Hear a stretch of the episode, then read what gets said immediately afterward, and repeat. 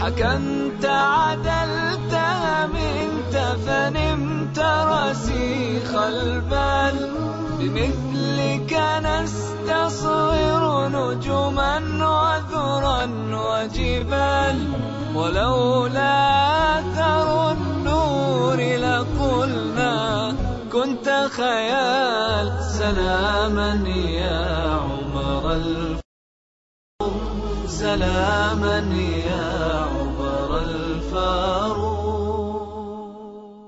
بسم الله الرحمن الرحيم أيها الإخوة والأخوات السلام عليكم ورحمة الله وبركاته. أهلا وسهلا بكم من جديد في حلقة من برنامجكم قصة الفاروق. وما أعظمها من قصة وما أجملها من سيرة. عمر رضي الله عنه كان يعيش مع القرآن. كان يريد الحق ويبحث عنه. عمر كان جريئا.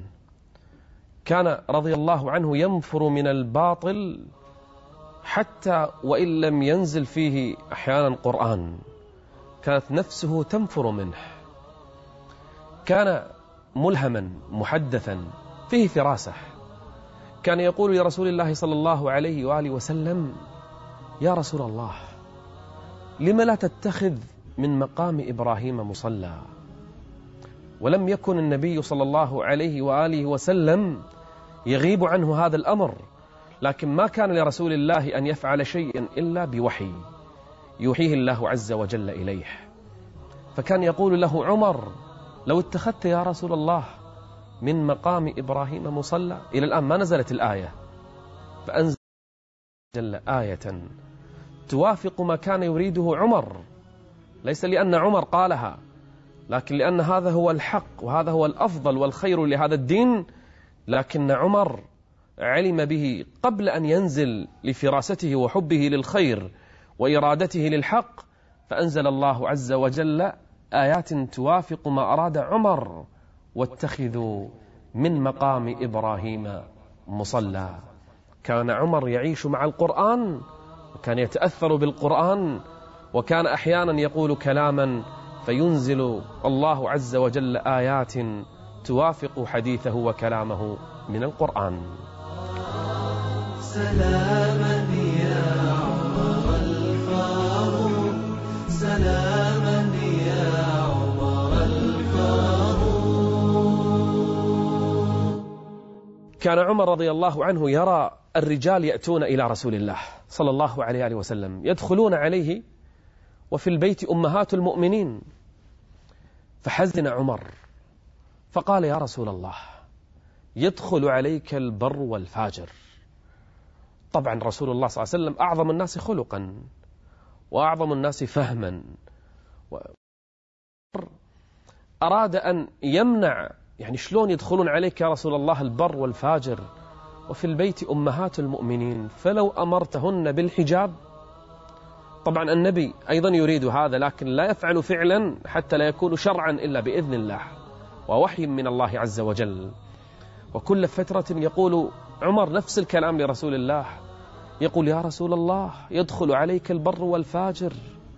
فلو أمرت أمهات المؤمنين بالحجاب فأنزل الله عز وجل موافقة لعمر يا أيها النبي قل لأزواجك وبناتك قل لأزواجك وبناتك ونساء المؤمنين يدنين يدنين عليهن من جلابيبهن أنزل الله عز وجل الآية موافقة لكلام من؟ لكلام عمر بن الخطاب قال عليه الصلاة والسلام إن في هذه الأمة لو كان في هذه الأمة محدثون لكان عمر إنه عمر بن الخطاب الذي يقول كلاما أحيانا فينزل الله عز وجل موافقة له قرآنا من السماء لما عاتب النبي بعض زوجاته أمهات المؤمنين ومنهن من؟ ابنته حفصة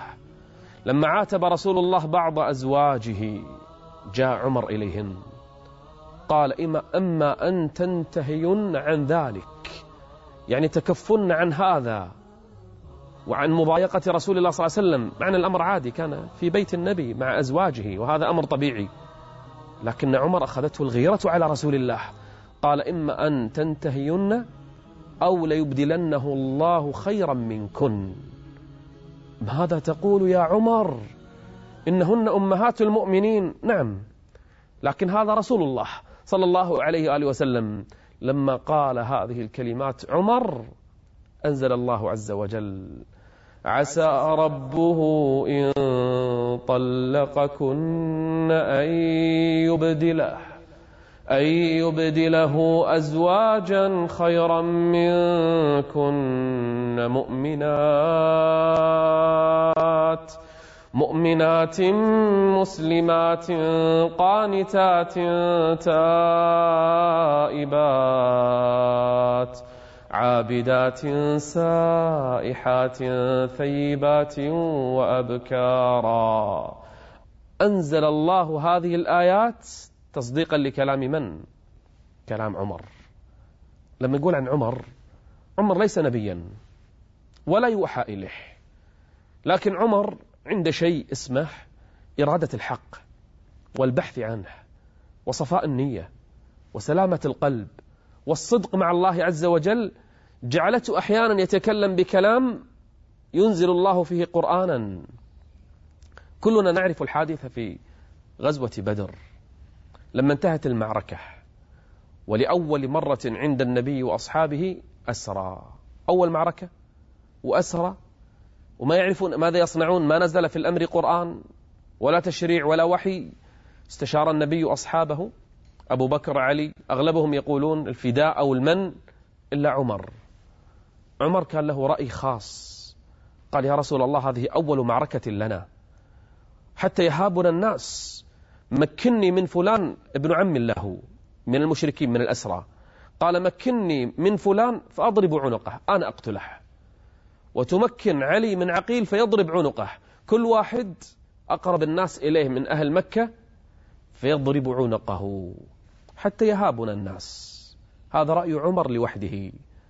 أما البقية فقد خالفوا عمر بن الخطاب. في الصباح طبعا النبي ما أخذ بكلام عمر أخذ بالفداء أخذ يفدي الأسرى. في الصباح رأى, رأى عمر النبي صلى الله عليه وسلم جالس وأبو بكر يبكيان تدمع عيناهما. قال ما الذي يبكيكما؟ فإن وجدت مثلكما بكيت معكما وإلا تبكيت. يعني ما يصير تبكيان وأنا جالس. فقال أبو بكر قال النبي صلى الله عليه وسلم لعمر قال عرض علينا العذاب أقرب من هذه الشجرة. عذاب هذه الأمة كان أقرب من هذه الشجرة لولا كتاب من الله سبق. لولا رحمة الله سبقت. قال ما الذي حدث؟ قال أنزل الله عز وجل ما كان لنبي أن يكون له أسرى حتى يثخن في الأرض. الآية نزلت تصديقا لمن؟ لعمر. عمر ليس نبيا ما يوحى إليه لكن من شدته بالحق وإرادته للحق تنزل الآيات أحيانا تصدق كلامه. ما كان لنبي أن يكون له أسرى حتى يثخن في الأرض. تريدون عرض الدنيا والله يريد الآخرة. والله عزيز حكيم. يقول عمر دوما اللهم أرنا في الخمر بيانا شافيا. يا رب أرنا في الخمر بيانا شافيا. فأنزل الله يسألونك عن الخمر والميسر. أخذ يدعو أيضا أرنا في الخمر بيانا شافيا. فأنزل الله لا تقربوا الصلاة وأنتم سكارى. فأعاد عمر اللهم أرنا في الخمر بيانا شافيا. حتى أنزل الله عز وجل إنما الخمر والميسر والأنصاب والأزلام. رجس من عمل الشيطان فاجتنبوه لعلكم تفلحون. ففرح عمر وكأن الله استجاب له. لما مات عبد الله بن أبي بن سلول أراد النبي أن يصلي عليه. فقال يا رسول الله تصلي عليه وقد قال كذا وكذا. فأنزل الله إن تستغفر لهم سبعين مرة فلن يغفر الله لهم. قال النبي صلى الله عليه وسلم لأزيدن على السبعين. وعمر يأتي إليه لا تصلي عليه يا رسول الله هذا رأس النفاق. هذا قال كذا وفعل كذا وفعل كذا. لكن رحمة النبي سبقت وصلى النبي على عبد الله بن أبي. فأنزل الله عز وجل ولا تصل على أحد منهم مات أبدا ولا تقم على قبره. إنهم كفروا بالله ورسوله. نزلت الآية تصديقا لمن؟ تصديقا لعمر. إنه الفاروق إنه عمر بن الخطاب إنه فاروق هذه الأمة إنه الذي فرق الله به بين الحق والباطل. قصة الفاروق نتواصل بها وإياكم في الحلقة المقبلة. استودعكم الله والسلام عليكم ورحمة الله وبركاته.